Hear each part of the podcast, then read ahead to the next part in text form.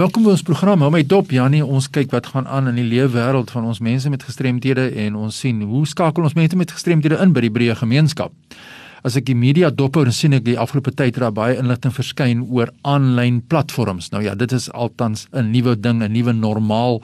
Ons almal gesels op hierdie aanlyn platforms en natuurlik is hierdie platforms toeganklik vir alle mense met gestremthede. Nou ons weet daar's vyf verskillende forme van persone met gestremthede en uh, dan kan ons die vraag afvra, hoe toeganklik is ons platforms wat ons gebruik vir mense wat byvoorbeeld sigverlies of blind is?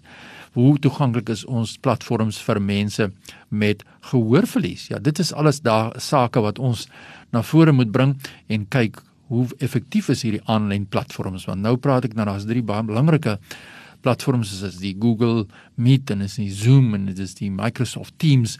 Dis verskillende platforms wat daar tot ons beskikking is en mense is nou almal op daardie platforms doen nog.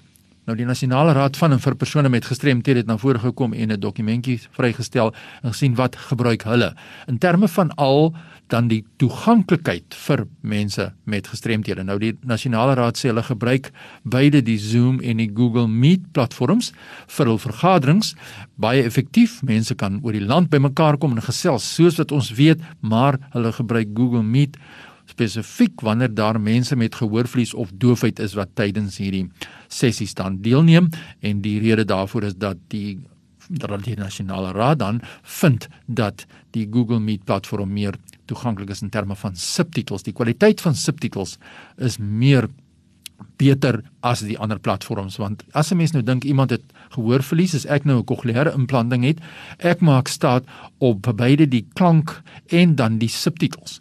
Maar daar's mense wat totale gehoorverlies het en hulle maak net staat op wat op subtitels verskyn om deel te kan neem in hierdie gesprekke. Nou as die subtitels nie goeie kwaliteit is nie, dan word daardie mense uitgesluit.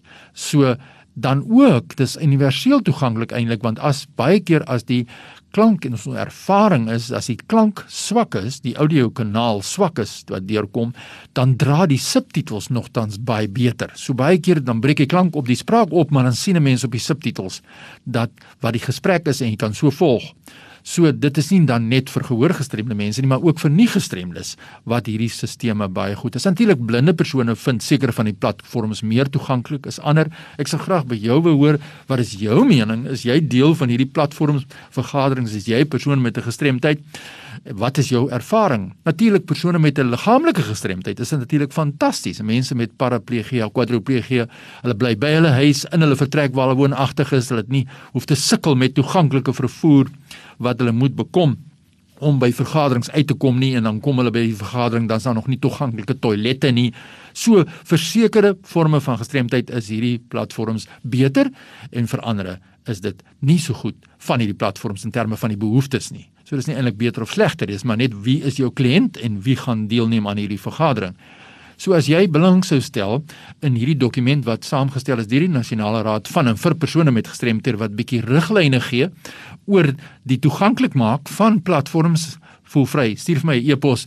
Ek sal dadelik die inligting vir jou deurstuur. Nou interessant in hierdie dokument hanteer die prosesse soos wat gebeur voor so 'n vergadering plaasvind. Wat stuur hulle? Wat moet mense gedagte hou voordat die vergadering dan plaasvind in terme van die kamera, in terme van die mikrofoon wat 'n uh, mens gebruik. Ek sien ook die nasionale raad sê hier dat baie keer van die telefone, die selfone, die slimfone of die rekenaars se mikrofone is nie altyd so goeie kwaliteit nie. So hulle beveel aan dat die deelnemers moet sensitief wees daarvoor en dan liewerster hierdie oorfone gebruik wat dan 'n mikrofoon het wat naby die persoon se mond is om die klankkwaliteit beter te kan versprei. Natuurlik ook ons gebruik uh, die stelsels wat die klank opvang en dan oorsit in woorde en teks Uh dit is natuurlik 'n stelsel wat baie sensitief is ook vir goeie kwaliteit klank. Soos daar baie riglyne wat gegee word, interessante sake wat gegee word in terme van wat 'n mens moet gaan sit en jy vergadering dan bywoon en dink waar skyn die lig? Skyn die lig van agteraf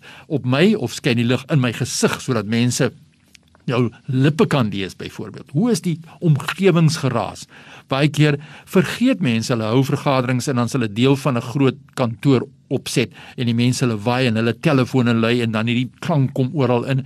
Wat moet 'n mens maak in sulke omstandighede dat 'n mens dan die mikrofoon aan jou kant moet uitskakel of die kamera moet uitskakel en tydens die gesprek dan net luister wat besig is om te gebeur. So hierdie wenke is goud, dis baie waardevol en dit hanteer dan tydens die vergadering die vergadering te beheer. Interessant hier ter afsluitings van gesprek vandag is die rol van die voorsittende beampte in die vergadering. Hy moet 100% seker maak dat hy die mense wat deelneem beheer in terme van wanneer hulle praat, mense praat oor mekaar soms, mense val mekaar miskien in die rede en dis meer omdat hulle nie kan miskien hoor wat aangaan nie. So dis baie baie baie belangrik.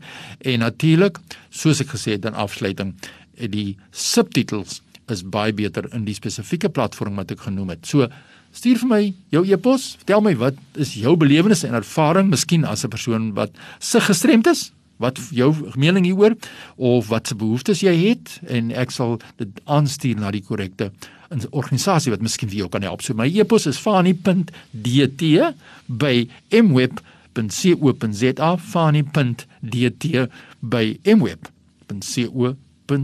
Ek sien uit na jou terugvoer. Groetens tot 'n volgende keer.